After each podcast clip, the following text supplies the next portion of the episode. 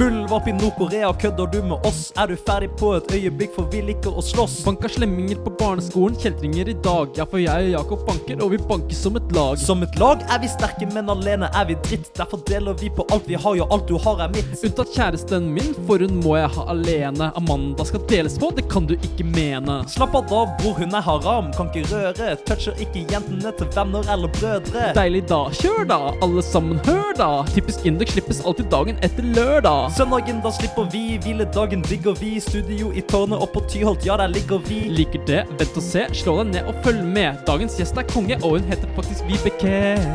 Dette er Typisk Indek med Jakob og Håkon. Velkommen, velkommen, kjære gjest. Du er blant de syv prosentene som ikke avslutta episoden allerede det første minuttet, og det er vi meget glad for. Dette er utvilsomt en god dag for podkast. Sola skinner på Tyholt, og Red Bullen smaker forbanna Digg! Der er vingene aktivert, og vi kan fly inn i dagens episode med å spørre min makker, kompanjong, bestevenn, samboer og mitt personlige leksikon, Håkon August, hvordan går det med Innlandsdragen? Innlandsdragen er et morsomt kallenavn, Jake. Det navnet fikk jeg allerede tilbake i åttende klasse, når jeg deltok på UKM i Hedmark med en liten hjemmelagd rap. Og da spyttet jeg flammer, så da begynte folk å kalle meg for Innlandsdragen. Nettopp. Med meg går det ikke så bra, egentlig. Det har rett og slett vært en fryktelig helg. Jeg har spilt spillet Fantasy Premier League, eller det spiller jeg da egentlig kontinuerlig. Og etter de tre første rundene så hadde jeg en soleklar ledelse på resten av mine klassekamerater. Så valgte jeg å ikke wildcardet, for de som skjønner terminologien, og gikk da på en kjempesmell med at Tottenham da skårte masse mål. Så nå er jeg trist eh, og sint. Har ikke lenger ledelsen. Jeg kan ikke gå rundt på sal og flekke meg som klassens ubestridte fotballekspert lenger. Det, Hvem, hvem er det som har tatt over den posisjonen der? Anders Gannerud. Et veldig pent lag på Ganno der. Det står jo om eh, litt penger. Du er keen på å vinne den potten. Ja, det kan jo fort bli 6000 kroner pluss, og det er ikke den eneste ligaen som det er penger i. Og jeg, jeg leder fortsatt andre ligaen, da, men det er viktig for meg, og det er potensielt 10 000 kroner som venter på meg hvis det går ordentlig bra. Men nok om mine fremtidsutsikter rent økonomisk. Hvordan står det til med Jakey-basen? Det går ganske bra her. Eh, Nå har jeg liksom peila mitt fokus litt inn på dette som heter skole og utdanning og det å studere. Det er liksom eh, mye av grunnen til at vi er her i Trondheim. Så jeg driver litt med prosjektoppgaven nå. Vi eh, gjør et litteraturstudie, meg og Marius, vår, eh, vår tredje og siste roomie, og også min eh, masterpartner. Og så har jeg begynt å jobbe med store datamengder, fordi vi skal nemlig predikere, vi skal spå strømprisene inn i framtida. Og det er ikke lett når man verken heter Lilly Bendriss eller Snåsamannen. Jeg føler at Hvis folk kunne spådd strømprisene inn i fremtiden, så hadde de jo gjort det og tjent masse penger. Ja, Det hadde de gjort. Og hvordan skal liksom meg og Marius klare å gjøre dette bedre enn smarte folk der ute? Det går jo ikke, det. Nei, ellers gleder jeg meg veldig til eh, julebord med Janus FK neste torsdag. Vi har tatt opp fem nye spillere på laget. Skal prøve å utfordre dem litt eh, der. Det blir fett. Um, så ting er stort sett good. I dag, Håkon, så arrangerer Esteem, denne mystiske linjeforeninga på Induc, de arrangerer Times Case Competition. Hva er ditt forhold til case? Du, jeg har deltatt på en sånn konkurranse en gang selv. Tilbake i 2018 så var vi på noe som heter KPMG International Case Competition, eller KICC som det heter. Vi meldte oss først på delfinale her i Trondheim. Den blir avlyst, så vinnerne ble sendt rett ned til Oslo for å delta i eh, Eller Så deltakerne ble sendt rett ned til Oslo for å delta i den nasjonale finalen. Og der var vi sammen med åtte andre lag. Meg, du, Martin Granviken og Pia Irgens Isaksen skulle da løse case sammen med studenter fra NH, BI, CBS osv. Vi var jo helt noobs. Ja, Vi ante ikke hva vi drev med. Jeg hadde kjøpt en liten case-håndbok før vi reiste ned. Satt og leste litt på på, på flyet. Men vi, vi gjorde det ikke spesielt bra i finalen der. Vi gjorde ikke det. Vi fikk beskjed at vi hadde den fineste powerpointen. Det husker jeg. Det var det Hvem var det som var powerpoint-ansvarlig på vårt lag? Det var fort eh, Jakob Engebretsen. This guy. Men jeg husker at vi, vi hadde jo egentlig ingen idé om hvordan vi skulle løse dette, og vi ble så litt tatt av presset. Vi hadde ikke noe eh, helt klar idé om hva vi skulle gjøre. Men ettersom tiden har gått, har jeg fått delt, gjort mer case og merket at jeg hadde gjort det bedre i dag, tror jeg. Jeg ble også tatt litt av hvor god Pia var i engelsk. Hun har jo utveksla i USA tidligere og snakker helt sånn high school American English. Og da, Jeg syns det var helt grusomt å stå på sida av henne og presentere med min engelske aksent når hun var så flink. Men høydepunktet fra den Oslo-turen var jo å ta lappen på T-banen, som vi gjorde da vi besøkte arbeidsplassen til pappa Martin Granviken. Ja, stemmer. Den diplomet jeg fortsatt på uh, lesesalplassen min, hvor det står Diplom Håkon Melgaard Sveen har bestått T-banesimulatorprøven. De gikk ned i kjelleren, inn i bomberommet, hvor de har en eh, full-sized T-bane. Og vi kunne sette oss inn og kjøre rundt i Oslo. Det var helt konge. Du fikk en del kritikk i starten av Håkon, men så fikk du virkelig opp dampen. Men når vi er inne på case, Jakob, så ønsker jeg egentlig å teste litt med en liten brain teaser. da Det klassiske spørsmålet hvor man skal tenke høyt om et eller annet annet. Ok, Så jeg lurer på, hvor mange flyplasser tror du det er i Niger? Hvor mange flyplasser i Niger, dette afrikanske landet? Stemmer. Uh, ja, uh, jeg tror det er 34. 34. Du vil ikke ha noe annen info først, som at det er 20 millioner innbyggere, eller Jeg, jeg, jeg tror ikke det er så relevant, da. Jeg tror det er, jeg tror det er 34 flyplasser i Niger. Ja.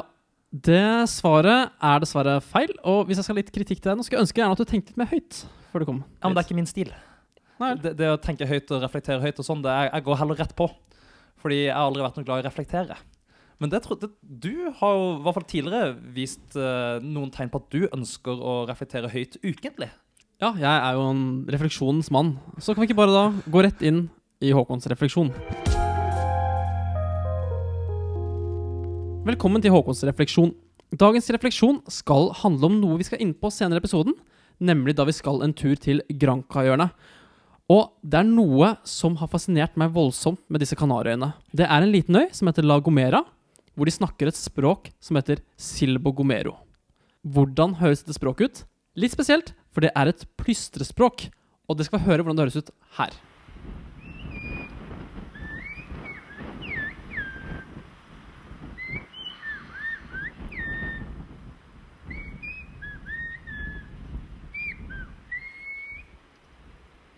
Ja, et fantastisk vakkert språk. Og dette språket utvikla de eh, da gjennom at det var gjetere på La Gomera, som er en veldig kupert øy, og lange avstander, hvor man måtte rope til hverandre fra en side til en annen. Og da trengte man en frekvens på lyden som kunne bære lenger enn vanlig roping. Da utvikla da dette språket seg. Og de har altså ti konsonanter og fire vokaler. Tro det, de som kan. Jeg skjønner ikke hvor de konsonantene kommer inn. Men har de et fullstendig ordforråd? Kan de formulere seg akkurat som oss? Ja, de har tolker som oversetter. Det er også videoer på YouTube av dette, hvor man kan eh, finne og se. Dessverre er dette språket litt eh, utdøende. Og sammen med klikkespråkene så er jo dette en av de mest fascinerende språkfamiliene vi har. Men det er også rare ting ved språkene vi har. For eksempel så har ikke kinesisk mandarin noen tidsbøyning i verbene sine. Det har alle europeiske språk. Har en eller annen form for det. Ikke kinesisk. Så når de skal eksempel si 'i går løp jeg', så bøyer ikke de verbet å løpe. Da sier de 'i går jeg løpe'. Ja. Høres jo litt eh, rart ut på norsk, kanskje, men det funker på mandarin. Det funker det. Og man sier jo 'i går', så trenger ikke, hadde ikke trengt å bøye verbet uansett. Skjønner hva du mener? Ja, jeg skjønner at det var i går uansett, men da må de legge til noe som indikerer at det var fortid. Så hvis vi sier 'jeg løp hit', så er ikke funker ikke det på kinesisk, da. Men det er én ekstra ting jeg også lar meg fascinere veldig av i språk. Og det er kasus og akkusativ. Nei, det er, ikke, det er det ikke i det hele tatt, Jake. Men det er hvilke farger man finner navn til først i et språk. Fordi dere der hjemme tenker kanskje at alle farger har jo eksistert i språket til alle tider. Det har de ikke. Av alle språk i verden så er det veldig mange forskjellige navn på farger man har. Og nå dukker det opp nye farger som magenta, cyan og sånt. De er egentlig ikke en del av det originale. Limegrønn. Ja, for eksempel, men det er egentlig bare grønn. Så Jake, hva tror du er de to første fargene som man lager i et språk? De to mest grunnleggende fagene, sånn rent språklig, men kanskje det har noe sammenheng med liksom, hva, som, hva man ser mye i naturen. da. Så jeg tipper på kanskje blått, at man ser opp på himmelen og kanskje på havet. Og så tipper jeg kanskje rødt. Du, blått er farge nummer seks som kommer. Den Så kommer ganske sent. Okay. Det er fordi man ofte bruker navnet på havet eller himmelen som navnet på fargen. Man okay. har ikke et eget fargenavn til blått. Nei. For det er en farge man ser mye, så da bruker man navnet til objektet for å beskrive fargen også. Det samme gjelder også grønt. Ja. Og gult. Trefargen, liksom. plantefagen. Men de to viktigste, det er hvitt og svart. Det er de to første som kommer. De to fagene som vi på nå sier ja, det er ikke farger. Stemmer. Så det er jo litt, det er litt kinkig akkurat den. Men tredje fargen er faktisk rødt, som sier. Og det er fordi at den fargen er litt mer sjelden i naturen. Rødt dukker ikke opp så ofte, unntatt i blod Det har ofte vært sammenheng med fare. Ja, Så så man når, når man ser det, så vil man gjerne beskrive at Oi, her er det rødt. Mm. Pass dere. Og også samtidig så er det veldig mange nyanser mellom blått og grønt, og grønt og gult i naturen. Så ofte har man hatt navn som er en mellomting av dette. At man sier blå-grønn, da. I mange språk så har man ikke blå eller grønn, man har blå-grønn. Da vet dere dette. Svart og hvitt, det er det første fargen som kommer. Og så kommer rødt på tredjeplass. Og langt nede på Lidstad lilla og brun. Og Det er derfor de tre fargene i det norske flagget er rødt, hvitt og svart. Det var det jeg hadde fra dagens refleksjon. Jakob, nå skal vi videre til dagens gjest. Hva vet du om gjesten vi har med i dag? Oh, I dag skal vi få besøk av eh, Vibeke Skjelvold. Jeg vet at Hun går i tredje klasse, og at hun er fra Stavanger-regionen. Um, hun er tidligere bindeleder. Og så var hun også messehallsjef uh, når bindeleder arrangerte karrieredagene i fjor. En svunnen tid når det fortsatt var telt på plenen. Og så spiller hun også på uh, Indux eh, damelag, Janus FK FK. Det er en eh, stor gjest som vi har jobba intenst med å få hit. Um, Håkon, hva tenker du vi skal prøve å finne ut av i denne episoden? I dag har vi fått utrolig mange fine lytterspørsmål, så jeg gleder meg egentlig til å høre svarene på de, for de vekket virkelig interessen hos meg. Og da kanskje spesielt et tema, hvis jeg kan tease det. La oss Det tease det. er Tinder-tirsdag. Wow, vi skal snakke om Tinder, dating. Så bare få gjesten inn i studio. Sveip til høyre, for det er sånn man åpner døra her i Studio Tyholt. Kom inn, Vibeke. Kom inn! Vibeke, Hei, Vibeke! må åpne døra den andre veien. Håndtaket skal opp. Etter mye om og men har vi nå endelig fått Vibeke inn i studio Tyholt. Det har vært forsøkt hvert semester siden høsten 2018, og nå har vi hun endelig her. Jakob, dagens beat, den kommer her. Take it away. Dagens gjest ble født på Stavanger universitetssykehus en solskinnsdag den 7. desember 1998. Som nullåring veide hun 3,6 kilo og målte 52 cm på strømpelesten. Men siden den gang har vi passert 22 vintre, 10 olympiske leker og 7990 dager. Og nå ruver dagens gjest hele 181 cm over bakken, ifølge sekretæren vi ringte på Sola passkontor.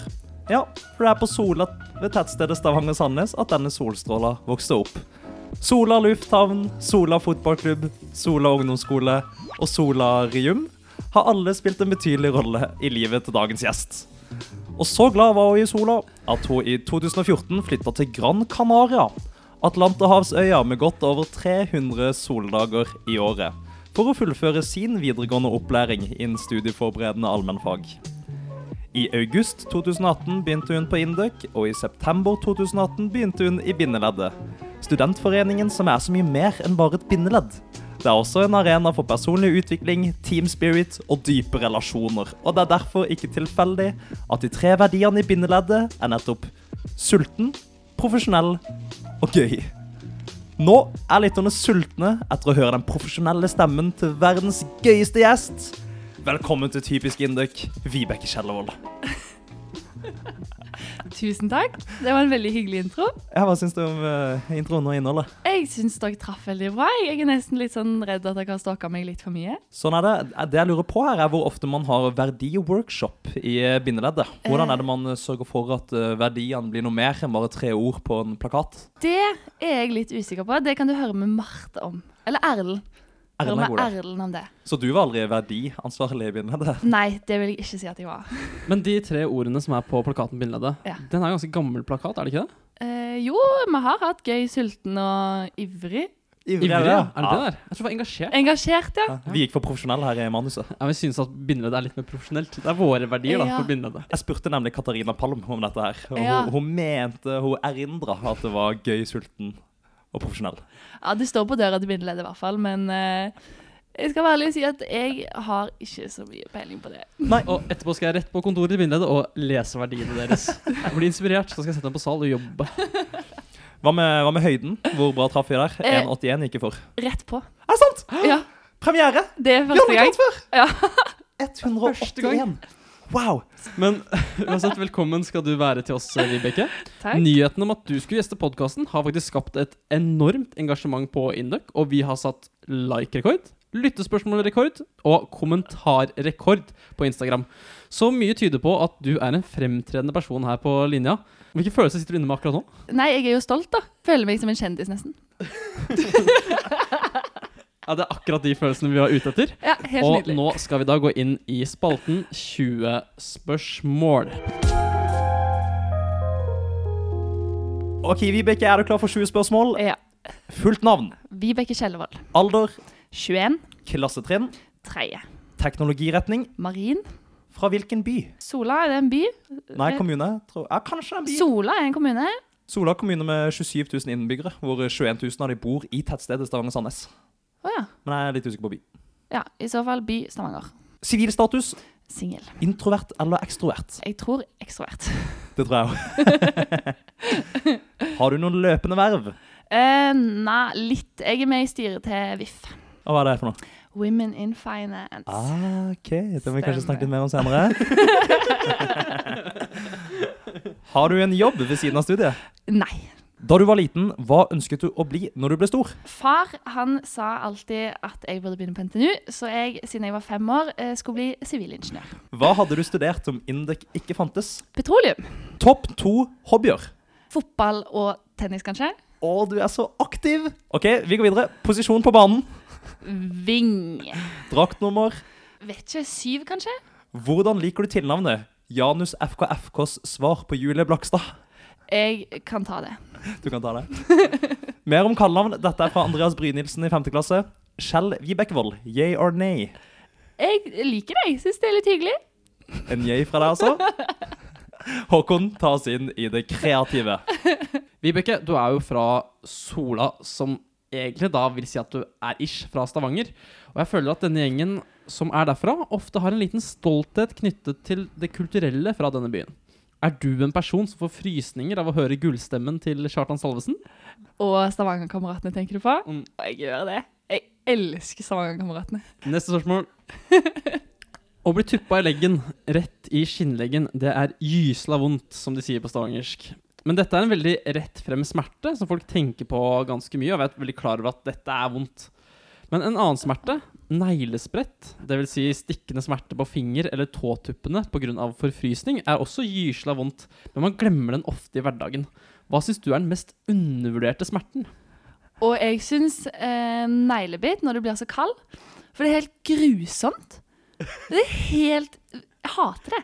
Og jeg tror jeg har fått noen frostskader, for jeg får hver gang jeg er ute og sykler, så får jeg helt gule fingre. Det er helt krise. Jeg tror jeg må til legen. Kanskje sånn sykehuset og operere. Før det må du kanskje begynne å sykle med hansker. Ja, det kan jeg òg tenke på, da. Starte der. Ok, Siste spørsmål i den kreative delen. Vibeke, hva er det sjukeste du har gjort i fredstid? Oi. Du kan glemme alt det sjuke du gjorde under krigen. Det kan du bare legge bort. OK, da legger jeg vekk alt det. Vet da fader, jeg kan ikke snike meg inn på LS eller noe. Snike seg seg inn sånn- på LS. Hadde du ikke billett, men dro på LS? Ja. Det ble jo arrangert i nabolaget, holdt jeg på å si. Ja, det var ikke så langt unna, og så hadde jeg ikke så mye å gjøre den helga, så da dro jeg på LS, og så tenkte jeg at det var ganske lett, eh, men det var det ikke. Hvordan Så- klarte du å snike den? inn? Det er sånne busker bak eh, på Ålgård der, så kan du liksom gå bak, som vi gjorde det, og da var vi en gjeng på fire. Og så gikk jeg først, for jeg tenkte jo at dette her fikser jeg. Og så ble jeg tatt av en sånn vakt. Og så driver de liksom og leter etter resten nede oppe i skogen, mens jeg står med denne vakten, og jeg smisker litt med denne vakten, og hun sånn, ja, hva heter du? Og jeg sånn, nei, jeg heter Vibeke, og jeg angrer, og jeg skulle ikke gjort det, men jeg fikk ikke tak i billett, og jeg var så lei meg. Og så når hun da begynner å liksom gå litt opp mot de som er tatt i skogen, så snur jeg meg, spurte, og jeg, var, jeg visste ikke at jeg var så full. Jeg sjangla. Så jeg sprang av gårde alt jeg kunne, gjemte meg under biler, bak trær. Jeg følte jeg var i en James Bond-film. Klarte å hoppe over noen gjerder og kom meg inn på LS, helt uten vennene mine. Ja, men kanskje finner man nye venner på et eh, russetreff? Ja, det gikk jo fint. Jeg fant meg jo noen tilfeldige folk, da, så da var jeg på LS alene. Men du- var russ, det var det? Nei, det var året Eller sånn. Jeg var jo russ på en måte to år, så det var andre år jeg var russ, da. Så sniker seg inn på LS for å henge med, med russekuluner. under. Stemmer. Legende! Wow. Det sa du så sykt casual at jeg var russ i to år. Så var andre året russ. Som at det var helt vanlig ting. Ja, kanskje, man, kanskje man dumper bevisst i ett fag for å kunne ta et år ekstra, da. Er ikke det litt det du gjør på NTNU, Håkon? Du skal også være russ to år. Men hadde du også gjort det her i krigstid? Nei, da tror jeg ikke jeg hadde turt. Vakter er litt strengere i krigstid, så man burde ikke løpe fra det da, kanskje. Stemmer. Vet du, De skyter deg i LS hvis du prøver å snike deg inn i krigstid. 20 spørsmålsspalten er over for denne gang. Nå skal vi gå videre inn i kosepraten. Velkommen alle sammen til kosepraten. Her skal vi bare lene oss tilbake og prate om eh, stort og smått, hva som eh, angår eh, Vibeke, dagens gjest, i sitt liv akkurat nå. Men før vi går dit, så liker vi å tease lytterspørsmålsspalten som kommer til slutt. Så vi begynner rett og slett med et lyttspørsmål, og dette kommer fra Ivar. Den kjekkeste Ivaren fra Asker på Indøk. Selverklært. Og han eh, spør Kan Vibeke beskrive hva hun ville tatt med av personlig snacks på en todagers hyttetur.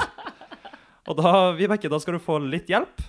Så jeg kommer til å gi deg min telefon nå. Der har jeg en screenshot av, av hva du har handla med deg på hyttetur. Kan du ikke bare ta oss gjennom? Ok, Så jeg har vokst opp at man skal kose seg på hyttetur, da. Så jeg har tatt med meg en sånn sjokoskruer, eh, to pakker kjeks, to pakker 200 grams eh, melkesjokolade, to skoleboller og en pakke rett i kakao, rett i koppen kakao fra Rett i kakaokoppen. Det er mer der.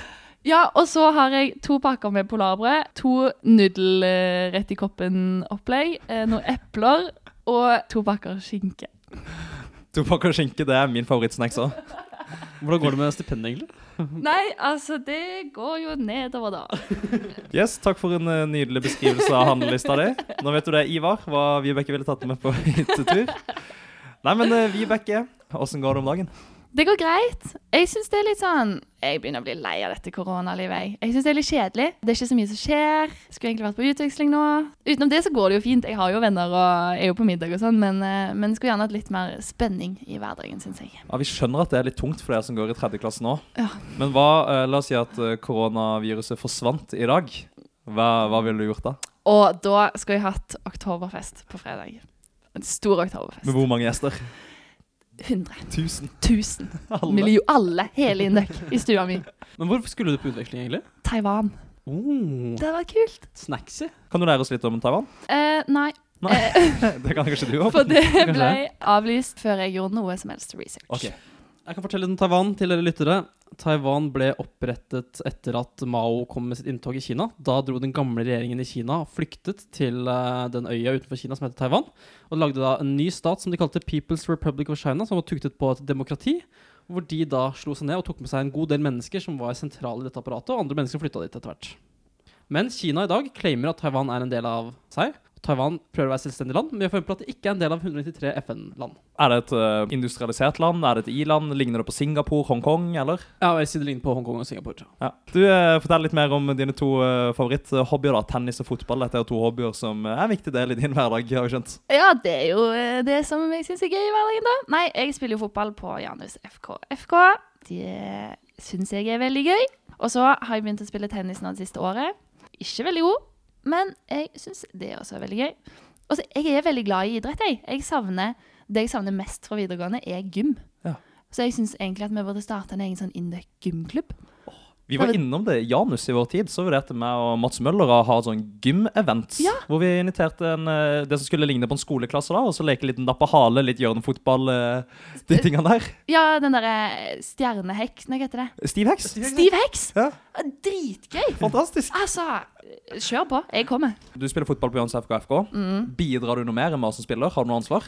Uh, nei, jeg tok egentlig på meg det å være botansvarlig uh, i denne forrige uke. Men så fant vi ut at det er jo bare én trening igjen til vi skal ha julebord, og da er det jo ikke heltids å ha noe bøter. Nei. Du, eh, Hvor mye tid har man i det man har lagt uh, bindeleddgenseren på hylla? Du er vant til å ha en ganske travel studenthverdag med mye verv og kanskje mye fokus på bindeleddet. Nå er den tid forbi. Stemmer. Jeg har sykt mye fritid. Jeg har så mye fritid. Jeg aner ikke hva jeg skal gjøre. Liker du det? Både òg. Det er liksom eh, litt digg, men jeg bruker jo kanskje eh, åtte timer på noe jeg før brukte én time på. Vibeke, har du, har du fritids, eller? Jeg har fritids. Om jeg har fritids. Hvis det er noen der ute som har noen nye hobbytips, noe sysler som Vibeke kan drive med, så er det bare å sende en melding på Instagram, så takk for ja til alt. Den dama trenger noe å gjøre! Absolutt. Vi hadde jo tidligere en episode med Katrine Sju, hvor det tikka et lyttespørsmål fra Vibeke. Som var, det var fabrikkert, da. Det var det. Vi må innrømme det. Men spørsmålet er Er det noen av fjerdeklassejentene som har engasjert seg i Women in Finance nå? Det er et par som er med, ja. Det stemmer. Er Katrine Sju med? Nei. Hun ville jo gjerne at dere skulle nå ut til henne. Ja, um, Det har dere ikke klart. Katrine Sju, har du lyst til å bli med i VIF? Så nå håper jeg hun svarer meg på eh, Instagram. Ja, hun må jo det. Hun må det. Ja, for Du sender masse meldinger, men du svarer ikke. Melde seg på, Katrine. VIF trenger det. Du, eh, Vi har fått et, eh, et lytterspørsmål om at du er veldig spontan. Finner du på noe spontant for tida? Jeg skulle ønske jeg gjorde mer spontane ting, egentlig. Men, eh, men jeg føler liksom at korona setter restriksjoner eh, for deg. Men jeg eh, prøver jo å være spontan med det som kan være spontan på. Men hvis vi går litt tilbake i tid, hva er det mest spontane du har gjort? Nei, det var kanskje i tredje VGS, når jeg hadde flytta hjem fra Granka. Så tok jeg meg en eh, spontantur til Praha, Det er dit vi skal! det er dit vi skal! Er det dit vi skal? Så nei, altså, jeg så noen flybilletter eh, som var veldig billig døgn etterpå, eller noe sånt. Og så følte jeg litt sånn, nå må jeg gjøre noe kult i livet, for da satt jeg jo bare hjemme på sola. Så da dro jeg til Praha alene. Hvordan var det? Hvordan var det? Det var dritgøy. Altså, jeg bodde på sånn hostell, og jeg var på sånn bar crawl, og jeg var på sånn couchsurfing-treff, og jeg traff så mange rare mennesker. Det var helt konge. Og jeg har aldri Jeg følte sånn Nå har jeg pika i livet. Løy du mye om deg selv? Fant du på historier? Fant du på nye navn? Eller var du helt ærlig når du pratet med nye folk og skulle introdusere deg? Det varierte litt. Det var noen ganger jeg var litt sånn Det var én gang, da. Så var det en litt sånn kjekk kar, eh, og da sa jeg det at Nei, jeg eh, studerer lege, er nå 23 år og, og er på ferie for å uh, studere litt, da. Og han uh, ble ikke så veldig imponert. Er det sant? Ja, men man, det er flere som får en sånn uh, lystløgn-tendens på fylla. Mistenkte at du var blant de. Men hvor fikk du flest venner? I Praha eller på LS? Det Du var alene begge steder. Jeg, fader, så mye alene jeg er, så sier jeg at jeg har venner. Det var LS. Mm. Men Jeg jeg syns også det er ganske undervurdert å reise alene. Gjorde det selv i Sydney og Melbourne og var i Australia fordi dere ikke gadd å bli med, for dere har akkurat vært der. Og da også fikk jeg møtte jeg masse rare mennesker. Så liten tid. Tre-fire dager. Nydelig. Og det som er så fint da, det er at du kan gjøre akkurat det du vil hele tiden. Du slipper å forholde deg til at alle andre har meninger, og at de også vil spise på det stedet, eller at de vil dra det stedet. Men du kan gjøre akkurat det du har lyst til å gjøre. Det er deilig å snakke litt om utlandet her. Nå skal vi ta en liten tur fra Praha, eh, litt lenger sør, litt lenger vest. Vi skal til Granka, og vi går inn i Håkons Granka-hjørne. Velkommen til Håkons Grankhjørne. Dette er en ukentlig spalte vi snakker om hver eneste gjest, hvor vi tar tak i disse syv øyene som er der nede på vestkysten av Marokko. Er du klar over hvilke syv øyer det er? Jeg kan prøve. Gran Canaria, Lanzarote, Tenerife, Gå... Noe med gå. Ja, La Gomera. La Gomera. Og så vet jeg ikke flere. Da kan jeg si resten. Den Ja. ene er litt kjent. Fuerteventura Åh, det visste jeg. Der, bare, der har jeg vært. og La Palma og El Hero. Ja. Og de to siste er kanskje de minst kjente. Dette kan du også, kjære lytter, huske på neste gang du får dette spørsmålet i quiz. Selv har jeg kun vært på Gran Canaria, som er den største av alle øyene, en gang, tilbake i 2005, på min første sydentur noensinne. Det skjedde dessverre samtidig som eh, pave Johannes Paul sitt dødsfall, som ble noe preget av det, den turen, dessverre. Så det er mitt forhold til Granca. Hva er ditt forhold til Granca? Eh, mitt forhold til Granca, det er jo bra. Jeg bestemte meg for å flytte til Gran Canaria i tredje VGS. Og det var fordi at alle vennene mine, de var jo Som sagt, jeg gikk jo fi, fire år på eh, videregående, så når alle vennene mine var ferdige og skulle i militæret og folkehøyskole og gjøre sånne kule ting, så ville ikke jeg sitte hjemme i Stavanger i regnværet, så da bestemte jeg meg for at da flytta jeg til eh, Granca. Men det jeg trodde var at Gran Canaria var en eksotisk plass med masse palmer og liksom regnskog og litt sånn kultur og masse bra greier. Så jeg, eh, jeg bare bestilte fly, jeg, og dro ned. Eh, setter meg på denne her flybussen skal, som skal inn til Puerto Rico, og det er bare sand. Hele Gran Canaria er en stor sandhaug, og jeg skjønner Det er en ørken! Jeg skjønner ingenting. Går av bussen i Puerto Rico, som er liksom en by der mange nordmenn tydeligvis er, da. Hvor det er masse sandslott og sandbygninger og sånt. Altså, jeg ser bare masse tjukke pensjonister. Jeg tenkte jeg skulle se masse spanjoler. Jeg var bare sånn Hva er det jeg har gjort? Så jeg eh, var litt i sjokk, men det gikk seg til. Etter en stund så fant jeg meg en plass å bo. Ble litt venner med de som gikk på skolen her, og det ble bra til slutt. Men fy fader, jeg bomma på mitt eh, forhåndsinntrykk. Men jeg må ta tak i én ting her. Du var år på videregående i Granca, eller var du hele videregående? Nei, jeg var kun et halvt år, faktisk. Ah. Ja. Da har vi misforstått helt her, Håkon. Ja, vi trodde du tok hele videregående. Oh, ja. Nei, nei.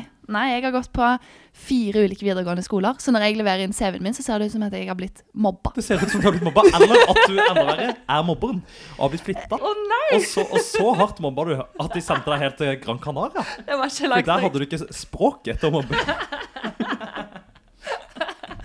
Ja, nei, det stemmer. Ja, For å være en god mobber så trenger man også et godt språk. Men å bo så lenge som et halvt år på et så varmt sted som Puerto Rico, Gran Canaria, fucker det deg opp rent klimatisk? Nei, jeg føler jo ikke det. da. Jeg håper jo ikke at uh... Du syns ikke Norge har blitt kaldere nå? Jo, jeg syns det er helt grusomt, faktisk. I hvert fall uh, nå om høsten. Det er jo helt forferdelig. Men man akklimatiseres vel ganske fort. Jeg synes også det var ganske kaldt å komme hjem til Norge. I fjor, etter at ha vært et år i Australia, da syns jeg høsten i Trondheim var bitende kald. Men eh, nå syns jeg ikke det er så galt. Kanskje årets høst varmere, eller så har jeg bare blitt vant til det etter en vinter og, og litt sånt. Men også, å bli, du blir også veldig brun av å være på Granca. Ja. Fucker det deg opp sånn selvbildemessig når du kommer tilbake? Har dere fått noen spørsmål om at jeg sier at jeg skal være brun? Nei. Oh, ja. Vi bare antar at man blir brun etter et halvt år i Gran Canaria, men det blir man kanskje ikke. Nei, for jeg har, jeg har alltid liksom eh, vært på utenlandsreise eller et eller annet, så jeg pleier alltid å være sånn semibrun om vinteren.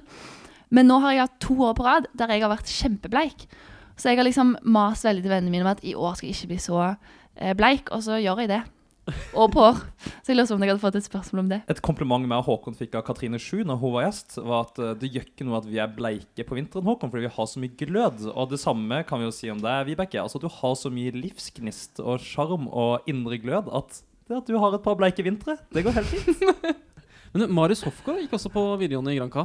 Stemmer. Har du snakket med han om det? Gikk du der samtidig med han? eller noe? Nei, han gikk der før meg, men vi har bonda litt over det. Fordi jeg trodde jo at jeg var ganske sånn kul og eh, unik da, som hadde gjort dette her. Så jeg sitter og skryter litt av det i bilen når vi kjører til hyttetur i fjor. Vi skulle på de Induk-hyttene på sånn et eller annet. Med syv polarbrød i hånda litt sjokoskruer Ja, i, kjeften. stemmer. Skal du skryte litt. Og så skryter jeg litt, og så sier han sånn Ja, nei, jeg òg gikk på den skolen. Og da ble jeg helt sånn Hæ? Er det noen andre som har gått på den skolen? Så det har vi bonda litt over, da. Han gikk vel eh, mer enn et halvt år òg. Han har vel eh, tatt hele VGS der. Jeg tror det. Litt kulere enn deg. Eh, ja. Er det en norsk skole? ja, stemmer. Så det er bare norske folk. Vi avslutter denne Granka-spalten med et lite lytterspørsmål. Og det er Fortell om måneden da skolen på Granka trodde Vibeke var i Stavanger, og motsatt. Altså, man får jo bare lov Eller jeg var kun på Gran Canaria et halvt år fordi jeg ble blakk. Hadde ikke mer penger, så da måtte jeg flytte hjem. Men det som var, var at jeg ville reise litt før jeg begynte på skolen i Norge. Så jeg sa bare til skolen på Gran Canaria at jeg reiser hjem til Norge og begynner på skolen der etter, etter nyttår. Og så sa jeg til, Gran, nei, til skolen i Norge at jeg er på Granca fram til januar. Nei, fram til februar. Og så tok jeg meg en og en halv måned kanskje, der jeg reiste rundt i Sør-Amerika. Sør-Amerika? Hvilket land? Argentina, Peru og Bolivia. Oi, oi, oi, oi, oi. Og der var det litt mindre ørken enn på Granca, eller? Litt mindre ørken. det er helt sjukt gjort å lure skolesystemer på ferie. Aldri hørt om noen andre gjøre før.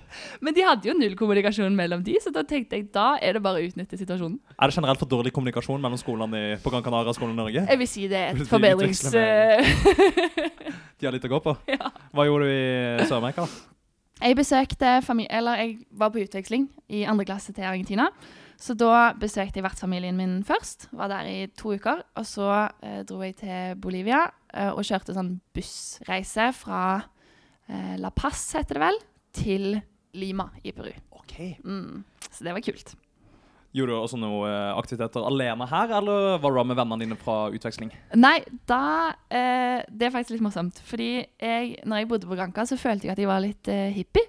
Så jeg la ut på Instagram jeg, i sånn oktober. Dette angrer Nei, dette er nesten litt flaut, men jeg gjorde det. Så legger jeg ut Hei, jeg skal eh, seks uker til Peru og Bolivia i januar. Er det noen som har lyst til å bli med? Snakker du flytende spansk?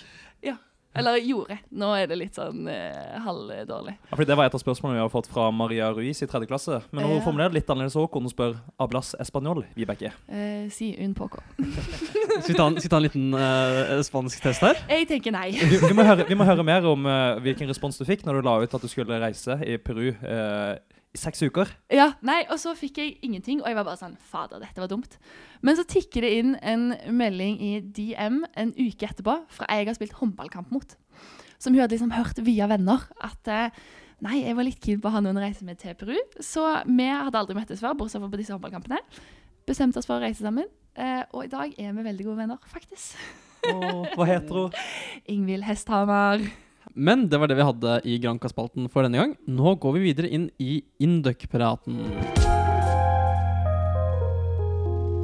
Velkommen til spalten vi alle har venta på. Her skal det handle om Induc. Og da spør vi deg, Vibeke, hvorfor valgte du nettopp å studere på Induc? Det er et godt spørsmål. Jeg sto veldig mellom om jeg skulle begynne på petroleum eller om jeg skulle begynne på Induc, faktisk. Tok og bytta litt på samordna de siste ukene før man kunne. Og så endte jeg opp på Induc av én grunn, og det var det sosiale miljøet.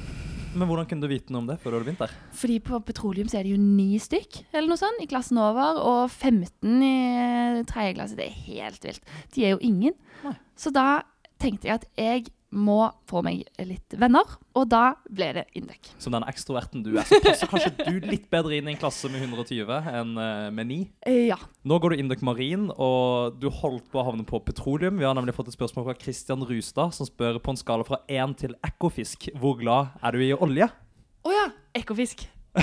Ti av ti. Nå kommer jeg til å bli hata på, men jeg syns liksom det å jobbe i olja kan jo være dritkult. Jobbe liksom offshore to uker på fire uker. Det er jo, altså, det er jo livet. Jeg fatter ikke hvorfor folk ikke vil, og folk bare Nei. Jeg syns det er dritkult. Kan kanskje ha noe med at oljenæringen er på vei til å bli faset ut, og at det er klimaspørsmål der som er litt sånn halv-iffy, da? Ja, men Håkon, det er dritfett å jobbe offshore! To uker på, to uker av. Fire uker av. Oi, Ja. to uker på, fire uker av? Ja, ja, det er jo drømmen. Ok. Da kan du dra til Granca. Om jeg kan dra til granka Granca. Det høres egentlig ut som du trenger en jobb hvor du kan være mye på ferie. Ja, det hadde passa meg veldig bra, faktisk. Hvordan syns du Induc har vært så langt? Kjempegøy. Jeg trives skikkelig, skikkelig godt, jeg. At det er så mye som skjer, og fester og kule folk og Nei, jeg syns det er bra. Hva med faglig? Ikke så veldig glad i marin. Å ja. Jeg burde jo sikkert ikke si dette, fordi det er jeg sånn dårlig rekrutterer, men jeg er så lite glad i de marinfagene at jeg gleder meg. Er det fordi de er vanskelige eller uinteressante? Litt sånn begge deler. Dritvanskelig, syns jeg. Og så kommer jo jeg aldri til å bygge en båt. Hvorfor i alle dager skal jeg lære meg å bygge en båt når jeg ikke kommer til å gjøre det? For du har valgt marin. Ja, det var dumt. Du, du du er den første marine gjesten vi har. Kan du ikke lære oss litt om hvilke fag man har på marin? Hvilke fag er det som definerer uh, marinretninga i din utdanning? Så første år så har man noe som heter marinteknikk grunnlag. Og det er helt grusomt. Det tar så mye tid. Og du skal liksom eh, konstruere en båt da, som skal frakte noen greier. Da lærer man egentlig ganske mye. Og så etter det så er det veldig mye matte og eh, ikke noe glad i de fagene. Er man eh, liksom mye inne i olje? Handler det om hav og krefter? Handler det om rigger? Handler det om båter? Fisk? Oppdrett? Bare båt. Det, er, altså, sånn, det var litt derfor jeg valgte marin, for jeg tenkte det kunne rettes litt mot liksom, havet og litt sånn andre ting, men det er veldig mye båt. Har du noen gang lagd en motor? Nei. Så du kan ikke lære oss hvordan en motor fungerer? Prinsippene bak en motor? Å, det var det eneste jeg ville vite. Var det vi ville ha ut av denne podkasten i dag. For jeg og Jakob skal nemlig bygge en gokart, og da trenger vi Vi mangler kun motoren. Vi har alt. karosseriet og alt.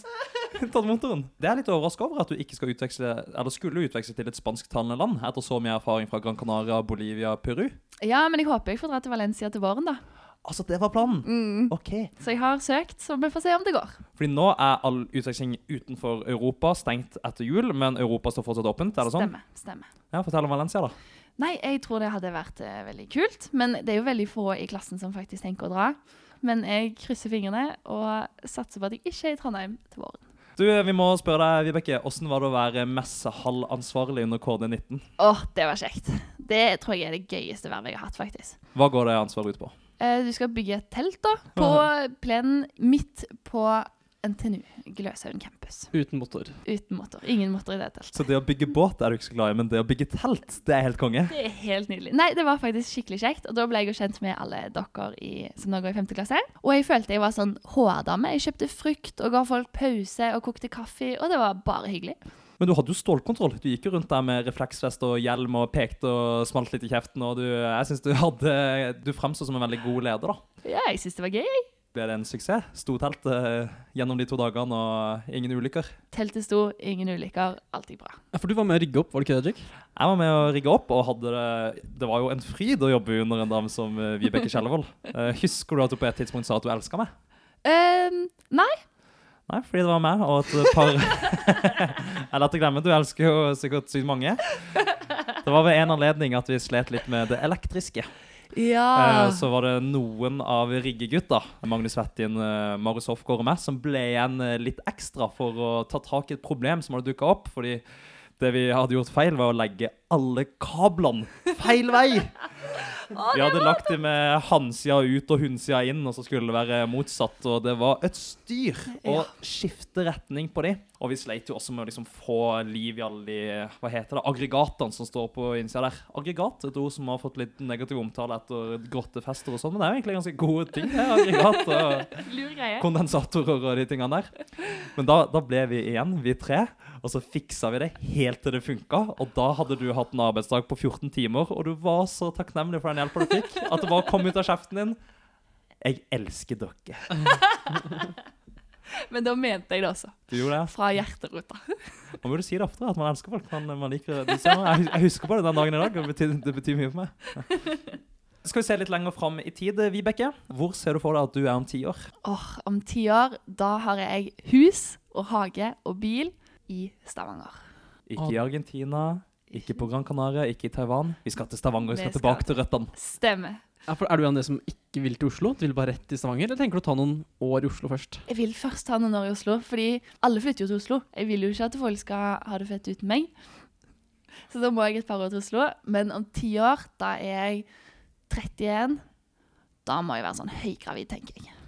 Da skal du være så gravid, da. Da skal jeg være kjempegravid om ti år fra i dag. Men uh, du sier jo at alle skal til Oslo, og det er veldig vanlig på Induc, hvor Mm. de fleste drar til Oslo. Men jeg prater med et par marinstudenter, og der drar jo alle til Stavanger. Stavanger eller Bergen. Så hvis du ønsker å jobbe i det marine liv, da, i den marine industrien, så er det jo også aktuelt å dra rett til Stavanger. Ja, det var kanskje litt derfor jeg valgte marin i første klasse også, for jeg tenkte det var større sannsynlighet for å komme seg tilbake til Stavanger. Hvis du skal bo i Stavanger, skal du da bo på Sola, eller skal du bo i sentrum? Jeg syns Sola er veldig hyggelig, jeg, altså. Litt sånn Det er litt i byen, men ikke så i. Nei, jeg syns hun er bra, jeg. Helt konge. Ja. Men Vibeke, drømmer du om å få til noe spesielt ellers, eller å havne et spesielt sted en gang langt der fremme? Er det noen big achievements som du gjerne skulle sjekke av? Har du en bucketlist? Ja, jeg har jo litt sånn eh, lyst til å eh, reise verden rundt, liksom. Men ikke sånn ambisiøs eh, mål sånn karrieremessig. Loggfører du alle land du har vært i? Sjekker du av på en app? Nei, land? jeg gjorde det før. Men jeg eh, slutta. Nei, jeg kan ikke besøke alle land i hele verden. Det blir for dumt. Det blir for travelt. Det å reise jorda rundt, det, det holder vel å være i hvert kontinent, på en måte. Hvis du skal komme hjem etter ett år på reise og si at du har reist jorda rundt, så er det ikke en nerd som spør Har du vært i alle 194 land, eller? da, da går det an å si nei, men jeg har vært i Australia, Asia, Europa, Sør- og Nord-Amerika. Hvis du reiser jorda rundt, så må du bare vært på en rundreise. Du må Ja. starte på en side altså liksom komme tilbake. Det er kjipt å ta alle kontinenter opp, for da må man til Antarktis. Ja, det er Det trenger ikke å bli med heller. Man kan ikke anerkjenne det som et eh, vanlig kontinent. Hvor mange bor der? 38 pingviner og et par, eh, Forskere. et par forskere. Ja. Her i Typisk Indeks så anerkjenner vi ikke Antarktis som kontinent. Dette er vel det største, største mantraet. Det er noe vi står for mest. Ja, det er kontroversielt, vi vet det. Men vi er villige til å ta den kampen. Men denne podkasten heter jo Typisk Induc. Og Mm. hva er typisk Induc for deg, Vibeke? Jeg svarer det samme som alle andre svarer. Jeg, jeg syns liksom engasjerte folk som er med på mye, og som er sosiale, og det er liksom det det går i, da. Men hvis alle svarer dette, så er det kanskje fasit, da. En fasit for oss som er på podkasten, i hvert fall. Relaterer du deg selv til din beskrivelse av eh, typisk Indek, Vibeke? Føler du at du er typisk Indek?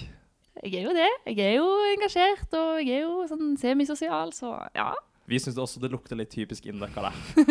Jeg syns du har en litt spesiell stemning på induk. For meg er du hele induks mor. Det er det hyggeligste jeg noen gang har hørt. Var ikke det fint? Jo. Det er derfor vi får så mange lytterspørsmål òg. Og vi har fått mange lyttespørsmål, og er ikke det da en fin overgang? Vi skal inn i lytterspørsmålsspalten! Bli med! Toget går nå. Hei og velkommen til lytterspørsmålspalten, Vibeke. Som sagt så har jeg jo fått lytterspørsmålrekord. Folk elsker å høre om eh, hva du driver med, og vil gjerne ha sitt spørsmål lest opp her. Det skal de få. Og vi begynner med et tema som har vært en gjenganger i de spørsmålene vi Veldig fått. mange spørsmål. Og temaet her, kan du anta hva det er? Jeg gjetter Tinder-tirsdag. Tinder-tirsdag! Smak på det ordet. Tinder-tirsdag. Et nydelig konsept. Jeg vet ingenting om det, men vi har fått spørsmål fra Sindre, Marte Kirkeby, eller Kirke Marteby, som jeg liker å kalle henne. Kaja, Ivar Borge i tredje klasse, Maren i fjerde klasse, Anonym Janus FK, FK-trener. Alle lurer på om Vibeke kan fortelle om Tinder-tirsdag. Ja, eh, Tinder-tirsdag det var noe jeg begynte med for en liten stund siden. Og det er for å få litt spenning i hverdagen. Så nå drar jeg på Tinder-date hver tirsdag. Nye dates hver tirsdag. Nye dates hver tirsdag. For, for en luksus eh, er det ikke klart det å bare dra på date hver tirsdag på Tinder, men det kan man hvis man er søt jente, tydeligvis. Hvordan har det gått, da? Nei, altså jeg har jo ikke funnet mannen i mitt liv ennå, jeg må jo være ærlig og si det. Hvor mange uker har Tinder-tirsdag pågått? Fem nå, kanskje? Så det er ikke så veldig gammelt, men jeg har nå holdt på. Har du noen gang møtt dem ved flere anledninger, eller har det blitt med den ene tirsdagsdaten? Kanskje? Kanskje ikke. Nei, men nå for eksempel, I dag er det onsdag. Var du på Mhm. date i går? Jeg var på date i går. Fortell meg, da. Det var, gikk med en tur. Det var hyggelig. Og jeg tror det holder med det. Ok. Hvor gikk dere tur hen, for vi som trenger datingtips i Trondheim? Eh, nei, går, nå har jeg gått samme runde med tre dates. Så hvis dere går fra eh, typ Samfunnet, og så ned til Lila, langs sjøen der, og så opp til Samfunnet igjen, i løpet av en tirsdag så ser dere mest sannsynlig meg med en eller annen tulling. Ok. Hvor lang tid tar den runden? En time. En time. Ja, og Pleier det er litt deilig, for da, hvis det går dårlig, så klarer man alltid å holde ut en time. Så tre av fem tirsdager har vært uh, på tur. Men hva har de andre to vært? Da har vi gått andre runder.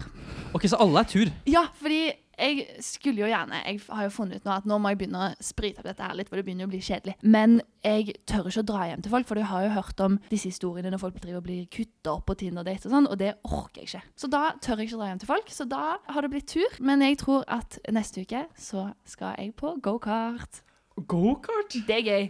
Med ny, med ny person, eller skal du følge opp en av de du har vært på tur med? Nei, dette blir ny. Hvis du lager motor inne, så kan vi bruke gokart. Ja! Det er en som lurer på hva du får ut av dette her. Er det bare på en måte umiddelbar spenning og noe du kan snakke om i lunsjen, eller er det et eh, på en måte langsiktig mål her om eh, fast følge og noe mer? Nei, altså det var jo egentlig bare for å ha en morsom historie. Jeg tror ikke jeg har fått så veldig mye ut av det ennå, det skal jeg være ærlig å si. Jeg er nok ikke helt på eh, jakt etter mannen i mitt liv heller. Men jeg tenker sånn, jeg må jo bli god på å date nå mens jeg ennå kan. For når jeg da er 28 eller 30 og ikke har meg en mann, da må jeg være flink på å date. Det, jeg kan ikke begynne da, liksom. Har du merka noe utvikling over eh, de fem ukene du har data? Har du blitt bedre til å stille gode spørsmål, til å Jeg følge er- opp og Jeg er en superdater. Er det sant? Ja.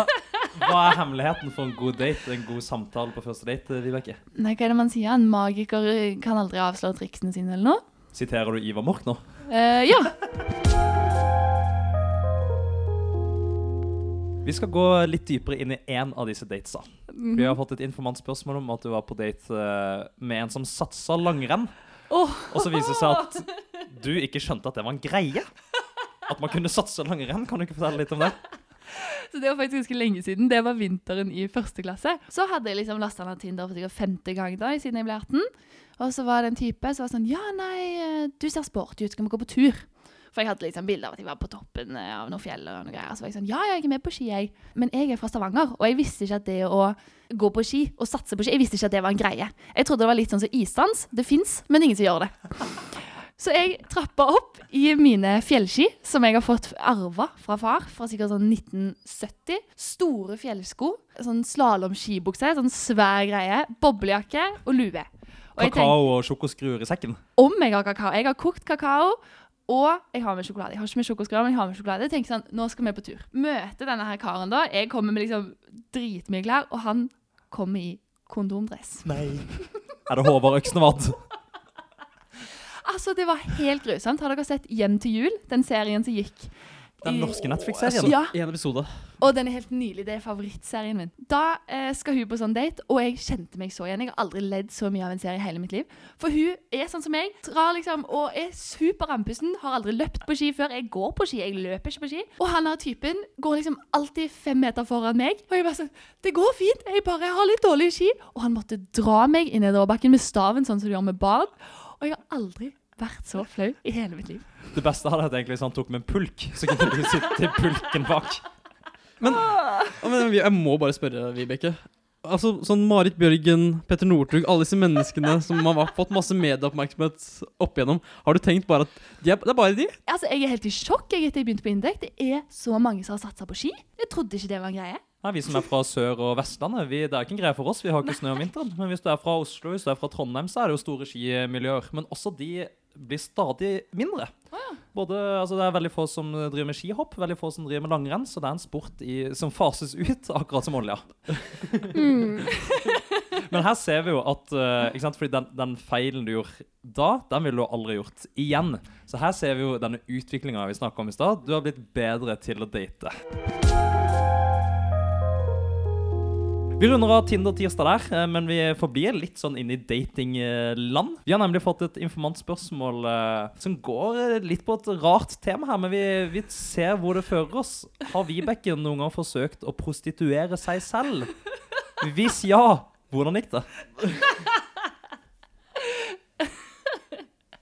Ok, så i vår en gang så fikk jeg en liten DM fra en type på Instagram som skrev Vibeke, du har så fine føtter. Og så hadde han scrolla tilbake igjen til min Instagram-feed i 2012. Funnet et bilde av meg og mine tær, og syntes de var veldig fine. Og så svarte ikke jeg denne her typen, for jeg tenkte dette her er en spesiell type. Og så gikk det vel to måneder. Jeg fikk sånn et par ganger i uka, så fikk jeg 'Du har så fine tær, Vibeke'. Og så sånn litt ut i juni så begynte han å si sånn 'Ja, har du lyst på 500 kroner for et bilde av tærne dine?' Og jeg var sånn 'Nei, det gjør jeg ikke'. Og så økte han prisen. Økte han prisen. Helt til 3500 kroner. For et bilde av føttene dine, et bilde av føttene mine. som fantes åpent på Instagram. Ja. Så han skulle ha 3500. Nei, jeg skulle få 3500. Så jeg var sånn Selv? Fader heller, jeg sender bare bilder av tærne mine. Så bør jeg ha den typen, for dette er ikke noe jeg driver med til vanlig. Men jeg tenkte sånn Dette gjør jeg, for tenk så gøy å dra på byen og si sånn Ja, eh, jeg kan kjøpe en øl til med øl til deg, men det er føttene mine som spanderer. Dritartig! Så jeg bestemmer meg bare sånn Fader heller, jeg gjør det. Så jeg spør han typen OK, hvordan fungerer dette her? Med betaling og sånt. Med eh, betaling og sånn. ja. Og han bare Nei, nei, du bare sender. Jeg vippser. Jeg tenker konge, dette har han gjort før. Null stress. Jeg sender.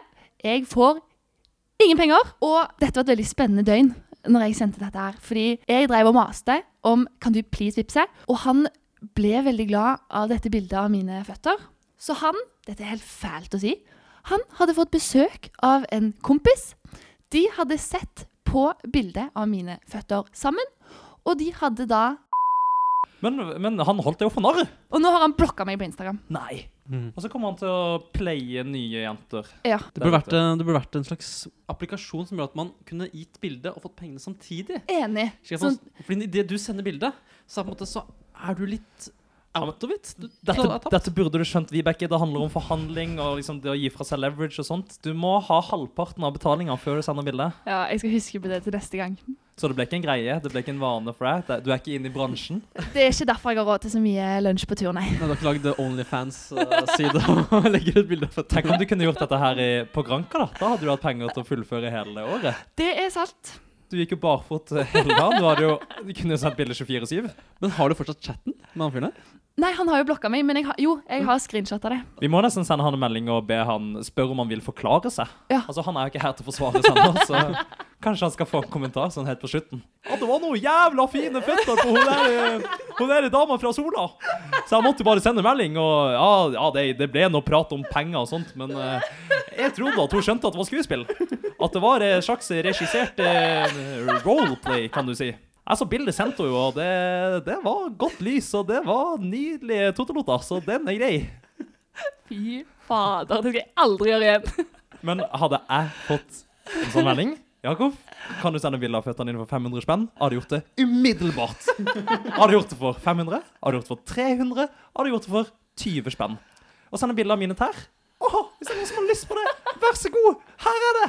Vil du ha mer? Kan sende bilde av kneet mitt òg. Det er ikke noe problem. Du, Vi går litt eh, videre. Vi sier at det var det om prostitusjon, eh, tær og dating. Og så skal vi stille et nytt spørsmål fra Maria Ruiz. Maria spør liker Vibeke gyros. Og hvis ja, kunne hun tenke seg å spise gyros både til frokost, lunsj og middag? Skal vi bli en sånn type podkast, Jakob? En gyrospodkast. Jeg bare liker å si det. Jeg elsker gyros. Meg og Maria var jo i Hellas sammen. Ikke i sommer, men sommeren før det. Jeg tror kanskje jeg snakka litt for mye om gyros, men det er så digg. Dritdigg. Og i hvert fall sånn ferskt brød. Nei, fy faen, det beste jeg kan få. Det koster så lite penger. Ja, jeg vet det! Nydelig greie. Jeg spiste til frokost hver dag når jeg var i Hellas. Ja, Og lunsj og middag, eller? Nei, bare frokost. Og Vibeke, hvor ofte? Hvor mange gyroser kunne du ha på en dag? Jeg kan spise gyros hver dag, jeg. Du kan, ja. Ja, livet. Vi går videre. Det neste store temaet vi skal gå inn på nå i Lyttespørsmålsspalten, det er bryting og slåssing. Her har vi også fått enorme mengder spørsmål. Ja, det høres litt spesielt ut, så vi må ta tak i dette her. Og jeg kan bare sitere Sunniva, som er leder av Janus FKFK. Hun kjenner deg godt. Hun spør eh, hva, hva, hva skjer med at uh, hver kveld vi drar ut, så ender Vibeke opp i brytekamp. Jeg vet ikke. Jeg fatter ikke hvorfor, men jeg syns det er så kjekt. Jeg synes det er dritgøy. Jeg har liksom vokst opp med to småsøsken. da. Vi slåss jo masse. Ja, ja. Og så gikk jeg plutselig tre-fire år da, uten å slåss noen ting, og nå har jeg fått litt sånn abstinenser. Så nå har jeg bare begynt med det på fylla, men jeg må slutte, for det er flaut. Men er du god til å bryte og slåss? Nei, jeg tapte mot Sunniva, da. Og det har jeg ikke lyst til å ha på podkasten. Du tapte mot Sunniva! Jeg tapte mot! Sunniva. Fader, men hun har vært i militæret. Jeg tror det er derfor. Ja, men vi, vi har flere spørsmål på dette her. Eh, Det neste kommer fra både Fredrik og Ulrik, eh, spillere på Janus FK. Og vi har sett deg slåss live. Spørsmålet det er hvem er sterkest av deg og Martin Egeli? Hvem vinner en fight? Nå kommer Martin til å bli sint. Meg, kanskje? Ja, for, ja, spørsmålet er har dere slåss, og har noen vunnet? Ja. Og ja. Ja, fordi det, det var flere omganger. ikke sant? Dette skjedde jo hjemme hos meg. Det var runder. Det var runder, ja. ja fordi det, det, det kjenner vi jo fra bokseverden og fra Muay Thai og Krav Maga og sånt. Man, bok- man slåss i, i runder, da. Eller Ja. til en er ferdig for dagen. Ja. Så hva ble stillinga totalt? Eh, Var det en knepen 3-2-seier, eller gikk det? Åh, nå spør du godt. Spør for godt. Husker du ikke? Nei. Nei. Sunniva spør også hvordan du har tenkt å trene fremover for å bli bedre til å bryte. Jeg skulle faktisk begynne på kickboksing i oktober. Hadde meldt meg inn. Og så glemte jeg det, fordi jeg fikk besøk hjemmefra. Nei. Det er så dumt gjort. Så eh, nå må jeg se på noen YouTube-videoer eller noe. Ja, men Kan du ikke bare komme på neste trening? Jo, men det var noe sånn oppstartskurs du måtte ha for å bli med. Vet ikke, det var noen sånne strenge greier. Tror du man blir bedre til å slåss av bare trene styrke og kjernemuskulatur og sånt? Eller er det mye teknikk? Må du ha en personlig trener og litt sånne ting? Kanskje burde hatt en personlig trener. Hvis det er noen på Indeks som har lyst til å være det, så sier jeg takk. Med mindre det er Martin Egli. Nei takk. Vi sier at det var det om eh, bryting og slåssing. Du, Vi har fått et spørsmål fra en anonym redaktør. Hva syns Vibeke om årets januskript? Jeg er veldig fornøyd med å komme på første, førstesiden i eh, første utgave. Det var veldig gøy. Kan du fortelle litt om det bildet som vi så på forsida? Det er så gøy. Det er tatt hjemme hos meg, og der har vi sånn quote på veggen. Hva er det som står da? You have to try to succeed, eller et eller annet sånt, som mor limte opp i sine kreative dager. Sammen med liksom noen skinnstoler og sånn, og vi var bare sånn Vi må ta et bilde. Og vi er så strenge, og vi ser så sykt kule ut. Jeg elsker det bildet, og det er så teit. Og vi har fått mange kommentarer på det. Det havna på Instagram? dette her, det er vel der Aska henta det fra? Ja, Facebook. eh, Facebook. Facebook? Sanna la det som forsidebilde. Og Instagram også, kanskje, fra Kaja. Ja. Nei, men Tommel opp til eh, årets Janne Skript, da. Selv Ja. om eh, alt var bedre før, Ja. som de sier. Oi. Oh, nei da, Ask. Det er bare det at når man tidligere har vært redaktør, så syns man liksom sitt eget ting er best. Sånn, sånn, sånn. Ok, Vi tar et par spørsmål fra Ivar, den kjekkeste Ivaren fra Asker på Induc. Hva syns Vibeke om ost? Nei, jeg er ikke noe glad i ost. Eller det går når det smelter. Pizza er digg, liksom. Det er helt sykt. Du liker ikke liksom en skive med ost? Nei. Og så er det så kjipt, fordi nå skal jo folk bli så voksne og så kule og ha liksom kjeks og ost og vinkveld. Og da sitter jeg og spiser druer. Det er kjempetrist. Men liker du ikke Norvegia, liksom? Nei. En Ritz-kjeks med brie? Nei. Hva med brunost? Nei. Brunost med appelsinsmak? Nei. Oi. Alt med appelsinsmak er bare tull. Appelsin er digg, men sånn sjokolade med appelsinsmak, det er bare Å, tull. den er så god, den der påskeappelsinen. Å, nei. Nei, Så, så ingenting chèvre, manchego, Nei. null? Og jeg skulle ønske jeg likte det, for jeg ser disse her Instagram-videoene, disse tasty, eh, masse sånn ost, og jeg blir sånn, å, det så digg ut. Og så lager jeg det selv, og så er det ikke digg. De Nei, men De videoene, tastyene er jo helt grusomme. enten er det Nutella, eller så er det smelta ost. Det er sånn, Du har her er en burger, ost på, burgeren er ferdig, og så putter de hele burgeren nedi en bøtte med ost. og Sånn. Det er litt ost med burger på. Men jeg er veldig glad i ost selv. På søndag så spiste jeg en hel bri. Jeg mørte en hel bri. Du, hva skjedde hvis du hadde mørt en hel brie? Eh, det hadde ikke skjedd, faktisk. Hadde du spydd? Ja. Sjukt. Hvor mange biter spiser du av hovedretten før tankene går over på desserten? Ja, nei, jeg er jo veldig glad i dessert, da. det er fra Ivar, det også. Det er fra Ivar, det også. Ja, nei, det var bare fordi at vi satt og spiste middag på den hytteturen. Og så mens vi spiser middag, så spør jeg skal vi ha sjokoskruer til dessert. Og jeg syns det var helt naturlig å snakke om, fordi desserten er jo noe man gleder seg til.